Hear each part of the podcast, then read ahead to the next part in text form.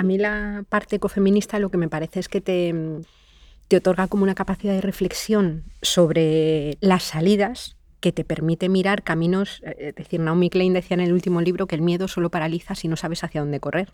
Y yo creo que es una, una gran realidad, ¿no? Entonces, marcar esos caminos, que no es que sean hojas de ruta diseñadas, pero que sí que son vías para poder reconstruir y sobre todo convertir el miedo en algo positivo. Es decir, el miedo ha sido siempre una reacción humana contra la incertidumbre que ha permitido eh, a la especie humana adaptarse, sobrevivir. Entonces, esa conciencia de, vulnerabilidad y de incertidumbre nos debe de servir para canalizar mayorías sociales hacia soluciones que sean realmente soluciones efectivas, ¿no? Y no como puntos de fuga, porque yo creo que la sensación de incertidumbre, aunque sea inconsciente y no verbalizada, sí que está en el conjunto de la sociedad, ¿no? Cuando vamos aumentando la escala, eso se hace bastante más complicado porque digamos que ahí sí que somos, la política es mucho más víctima, digamos, de ese proceso histórico de abstracción que ha sido la política y la economía en las sociedades occidentales. Eso, esa reducción de todo al marco de los valores monetarios y esa reorganización de la toma de decisiones en función de unos valores abstractos que no están conectados con la realidad ni de los cuerpos ni de la, ni de la tierra. ¿no?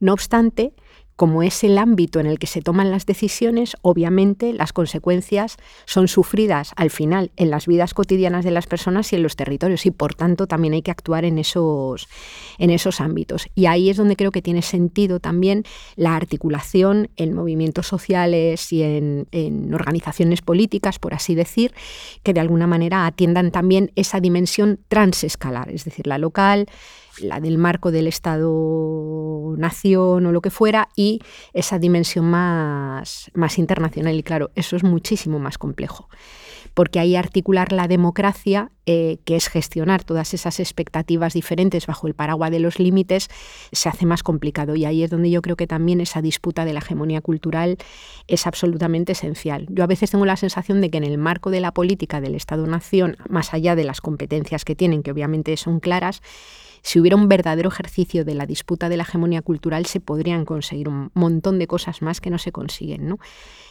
pero ahí se topa también con el mercado de los votos electorales y con el miedo a determinados discursos que se perciben como impopulares. Yo creo que a veces anteponiendo un poco la carreta por delante de los bueyes, porque no es cierto que no se tomen medidas limitadoras desde las instituciones, se toman muchísimas. Hay moratorias a, la pesca de especies, eh, se ponen límites a las importaciones de determinadas cosas y la gente no sale a quemar las pescaderías porque no puede comer anchoa en un momento determinado. ¿no? Es decir, yo creo que hay mucha más capacidad de explicación de la que parece, pero hay miedo a hacerla. Miedo probablemente falta de asunción y falta de preparación y de estudio en cuanto a, las, eh, a los problemas que afrontamos y quizás también una falta de, mm, digamos que los tiempos comunicativos, tú hace un momento estabas diciendo, vamos a tomarnos los tiempos para matizar lo que haga falta y tal, esos tiempos ahora mismo en, el, en la comunicación hegemónica no los hay. Yo el otro día estaba en un debate con, con y Rajón y decía, cualquier cosa o idea que no pueda ser explicada en tres frases no nos vale para construir pueblo. Y dices, pues apañado vamos. Porque precisamente construir comunidad en el marco de un territorio concreto, de un techo, necesita una explicación que el mucho tiene que ver con un proceso destituyente en el sentido de destituir una buena parte de los imaginarios colectivos dominantes, no con el afán de superponer otros o imponer otros que se consideran moralmente superiores, sino simplemente de anclarlos a la tierra.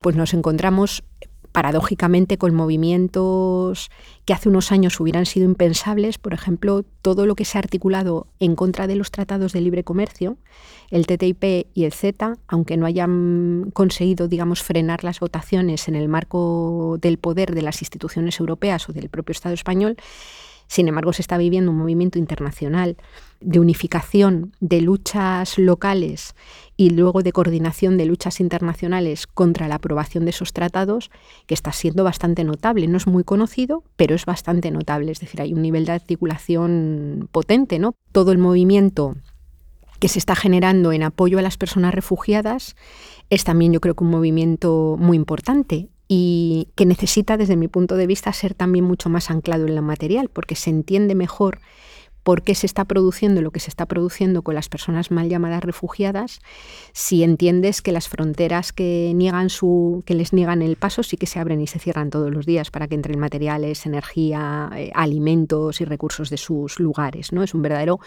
proceso de expulsión de población sobrante, a veces consciente, eh, con estos discursos neofascistas que dicen aquí no cabemos todos y a veces inconscientes con discursos pues más digamos mucho más humanistas que se hacen cargo del horror de la explotación y de la vulneración de derechos de todas estas personas pero que no son conscientes de, de analizar que el cambio de los metabolismos de los lugares de privilegio es fundamental simplemente para que esas personas puedan permanecer en sus propios territorios. Entonces, esas luchas se plasman también, creo yo, en una tremenda polarización que se está viviendo entre esos movimientos de corte neofascista o neopopulista de ultraderecha que van surgiendo y también de mucha gente que se va articulando en el otro lado. Yo creo que la clave está en eh, conseguir también generar un relato, no es que el relato lo pueda todo, el relato es coherente con una cultura material y una cultura material genera determinados relatos, ¿no? Pero el cambio de relato es importante porque mucha de la gente que intenta revertir situaciones de miedo e incertidumbre arrimándose a gente que le promete que va a cuidar de él individualmente, podría hacer un camino diferente si el relato es un relato que también comprende y que también es creíble. ¿no? Por eso creo que parte del problema que tenemos es que muchos de, los, de las explicaciones de las propuestas y alternativas que ponen encima de la mesa sectores pues, de la socialdemocracia o de las, eh, las personas que se amparan debajo de, de las etiquetas, por ejemplo, de las izquierdas, son propuestas y alternativas que en el fondo de los fondos mucha gente percibe como inviables o como ineficaces. Por eso es más bien los fracasos de la, democracia y los fracasos de las promesas del capitalismo redistribuidor por medio del Estado son los que dan paso al neoliberalismo y a los fascismos. Yo creo que es verdad que existe esa, tremenda polarización entre, entre diversas explicaciones que a veces además ni siquiera se acaban de, de conectar muy bien con las categorías clásicas de izquierda y derecha, porque, por ejemplo, hay una buena parte de la izquierda que escapa de la mirada de la crisis ecológica y de cuidados por la vía del optimismo tecnológico, que ahí es muy coincidente con algunas miradas de la derecha, ¿no? Sin embargo, hay algunas miradas de una derecha más conservadora, no de esa derecha neoliberal, sino más conservadora que tiene algunos valores antropológicos de respeto a la vida, hablo, por ejemplo, de, algunas visiones eh, más religiosas o lo que fuera, que conectan quizás un poco mejor con algunas de las, de las miradas cuando pones la vida en el centro de la ecología social, independientemente de que luego topes, pues por ejemplo, con cuestiones como la autonomía de los cuerpos o el derecho a decidir sobre el propio cuerpo y tal, que en el caso de las religiones más patriarcales es una cosa, es una cosa aberrante y un elemento de conflicto claro, ¿no? Yo creo, fíjate que el movimiento ecofeminista, el pensamiento ecofeminista precisamente es un pensamiento enormemente pontonero en el sentido de construcción de puentes, ¿no? Porque en buena medida esa polarización enorme tiene mucho que ver con esa, mm, esa cultura dicotómica eh, que existe en la sociedad occidental, ¿no? Es decir, esa, esa sociedad occidental que establece una especie de abismo entre la cultura y la naturaleza, entendiendo también dentro de la naturaleza el cuerpo como materia corruptible, contingente y finita. ¿no? Eh, es decir, hay como una enorme polarización en la que es la cultura y la capacidad de razonar la que te otorga la esencia o la condición verdaderamente humana, mientras que el anclaje en la naturaleza o el hecho de disponer de un cuerpo que nace, que se enferma y que muere, es percibido como, digamos, la dimensión menos valiosa de ese, de ese ser humano. ¿no? Y eso ha conformado desde diferentes utopías visiones muy distintas. ¿no? Las utopías, por ejemplo, que nacen de la ilustración, tanto la utopía liberal como la utopía más socialista, parten en cierto modo de unas visiones de las personas y una visión de la naturaleza bastante parecida. Es decir, eh, de concebir al ser humano y al progreso como ese ser que tiene posibilidad de emanciparse de la naturaleza por la vía tecnológica, de emanciparse de su propio cuerpo eh, no se explicita por la vía patriarcal, sino escondiendo y subordinando todas esas tareas, ¿no? y emanciparse de las demás personas. ¿no? Desde ahí, claro, la, utopía socialista habla de la lucha de clases y de la redistribución de la riqueza y la utopía liberal habla más del elemento individual meritocrático y de la, mm, digamos, de esa visión casi darwinista social de, de la persona como constructora de sí misma. ¿no? Pero en el otro lado, Quedan otras visiones también alternativas de otra modernidad y de otra ilustración y ahí están bastante encarnadas en el otro, es decir, en el sujeto colonizado y en las mujeres también. Entonces, cuando dentro de todo ese marco eh, intentamos aterrizar y, decimos, bueno, recuperemos cuáles son las bases materiales que sostienen la vida. Hablemos de codependencia y de interdependencia. Pongámosle eh, luz, eh, démosle focos, resulta que es mucho más fácil tender puentes entre ambas cosas, ¿no? porque desde la mirada del optimismo tecnológico y de la reducción del mundo del valor al concepto abstracto del dinero, es difícil poder conectar, es difícil poder ver lo que se rompe, lo que se deteriora. ¿no? Y establecemos soluciones pues, mm, por ejemplo, una, en buena medida el informe sobre los límites al crecimiento del año 72, que creó un enorme revulsivo en el momento, eh, queda neutralizado en los años 80 con la promesa tecnológica de la desmaterialización de la economía. ¿no? Entonces, con esta mirada tan absolutamente individualizada y esa dificultad que tiene nuestra cultura para comprender la complejidad de la interacción de lo vivo, que viene también del mecanicismo que, se establece en, el periodo de la modernidad, ¿no? nos fijamos en, los incrementos digamos, de, eficacia o de eficiencia de cada producto individual. Dentro de ese optimismo tecnológico, la dificultad fundamental es volver a recomponer de lo individual a lo colectivo. Es decir, eh, vale, eh, podemos hablar de coche eléctrico, podemos hablar de determinadas tecnologías que yo creo que sin lugar a duda van a ser necesarias para recomponer el camino a la, a la sostenibilidad, pero ahora pensemos en cómo se escalan y cómo se universalizan porque eso también nos da pistas para ver cuáles son esas necesidades que son individuales, cuáles son colectivas, cuáles hay que satisfacerlas colectivamente. ¿no? Y yo creo que ese elemento falla. Cuando tú ahora mismo escuchas todo el discurso de la robotización de la economía ante, la, ante los rendimientos decrecientes que está teniendo el modelo de producción capitalista, dices, vale, pues con robots podemos fabricar un montón de cosas, pero ¿cuántos robots se pueden fabricar? Cuántas cosas se pueden fabricar, quién las va a pagar, cómo se sostiene todo eso en el momento en el que lo enmarcas en un mundo que ya no es el mundo de cuatro, sino el mundo de todos, ¿no? Y ahí es donde pues algunas utopías de la derecha liberal e incluso de algunas izquierdas optimistas tecnológicamente pueden caer en lo que llamamos ecofascismo. En unos casos defendido deliberadamente, es decir, eh, definiendo que hay gente que sobra, y para decir que hay gente que sobra se les animaliza, por así decir, en el sentido de arrinconarlos a lo menos valioso, es decir, personas que son subhumanas, pues porque son fundamentalistas, porque son terroristas, porque son salvajes o porque son mujeres, ¿no?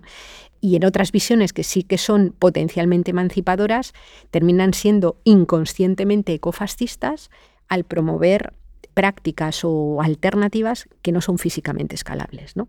Cuando yo hablo de sociedad occidental, hablo, bueno, a veces hablas en términos históricos de cómo nace el capitalismo, cómo nace este sistema dicotómico, pero yo sobre todo hablo de sociedad occidental entendiendo ahora mismo la hegemonía de la cultura occidental, hegemonía impuesta de la cultura occidental, ¿no?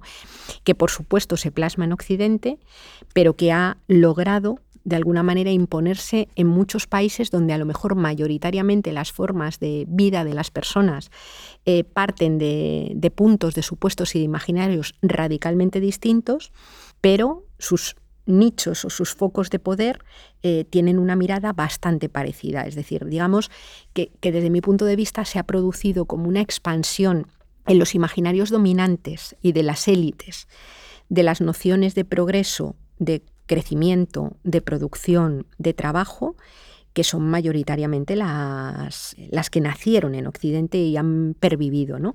Incluso en los modos de conocimiento, es decir, lo que llamamos ciencia habitualmente es una ciencia que emana de las visiones de la modernidad.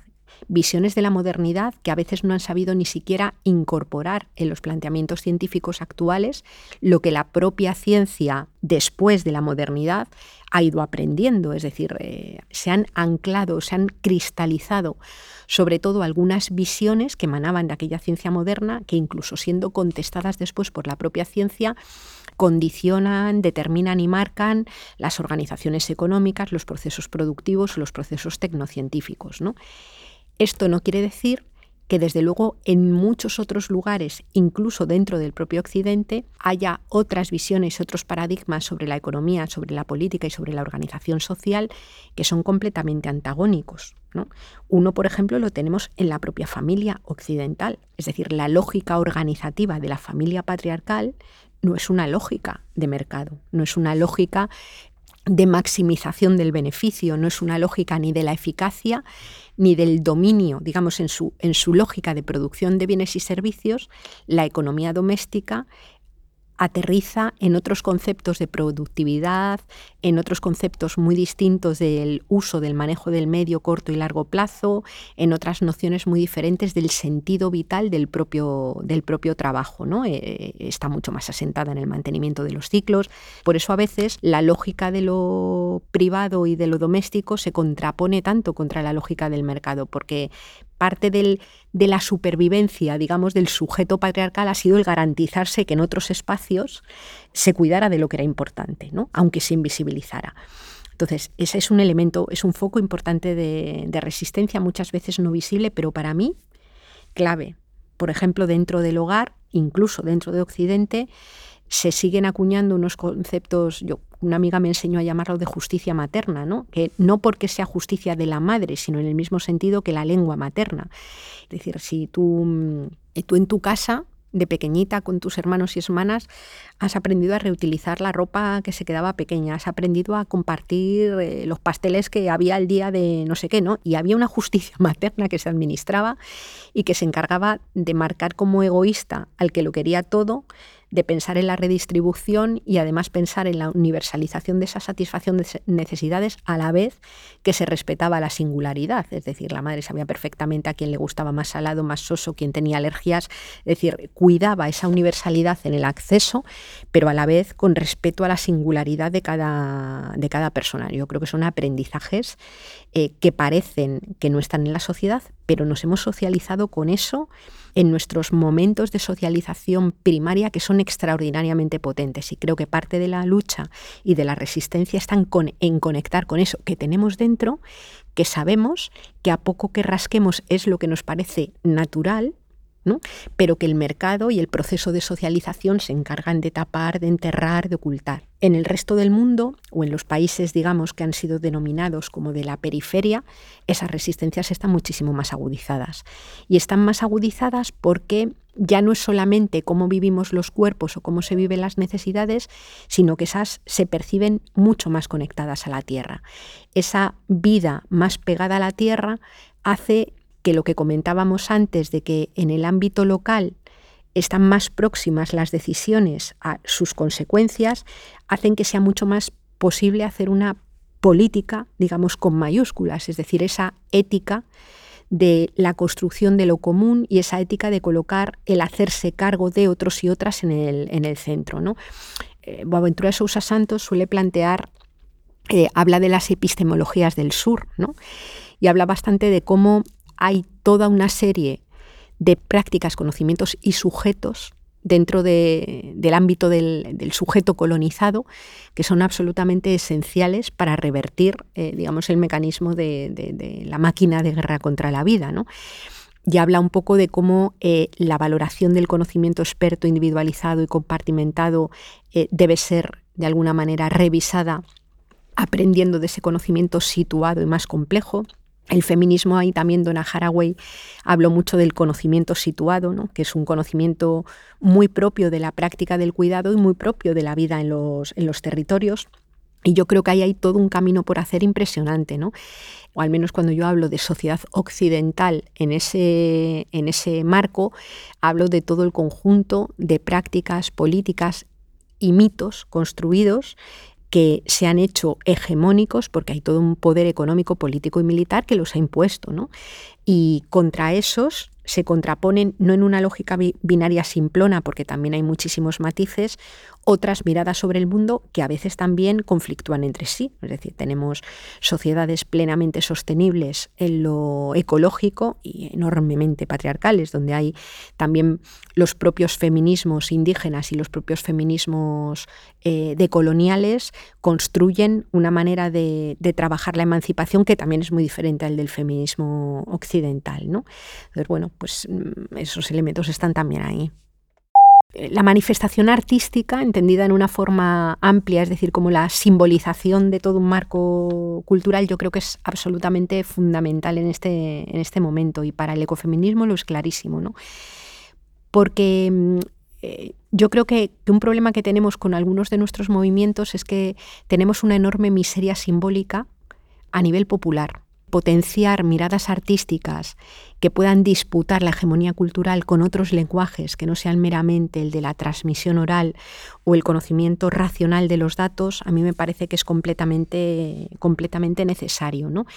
Y bueno, así en, la poquita incursión que he hecho sí que es verdad que empiezas a ver artistas y a personas jóvenes que desde el ecoarte, el andart o el feminismo están haciendo cosas interesantes. ¿no? Yo creo que sí que es importante anclarlo. A mí me preocupa mucho la concepción esta a veces de vanguardias que se perciben a sí mismo como, o sea, superiormente morales a otros lugares y, no arrastran a nadie detrás. Una vanguardia que no arrastre es absurda eh, y por tanto, mm, no sé, casi que creo más en estrategias de retaguardia o de meterte o de estar en donde, en donde vive la gente también para poder aprender de esos marcos de representación. ¿no? Yo he aprendido muchísimo en espacios de, mujeres, por ejemplo, residencias de mayores o asociaciones de barrio de gente que hipotéticamente, si tuvieran que poner papeletas de voto o etiquetas, serían radicalmente diferentes a lo que yo me plantearía,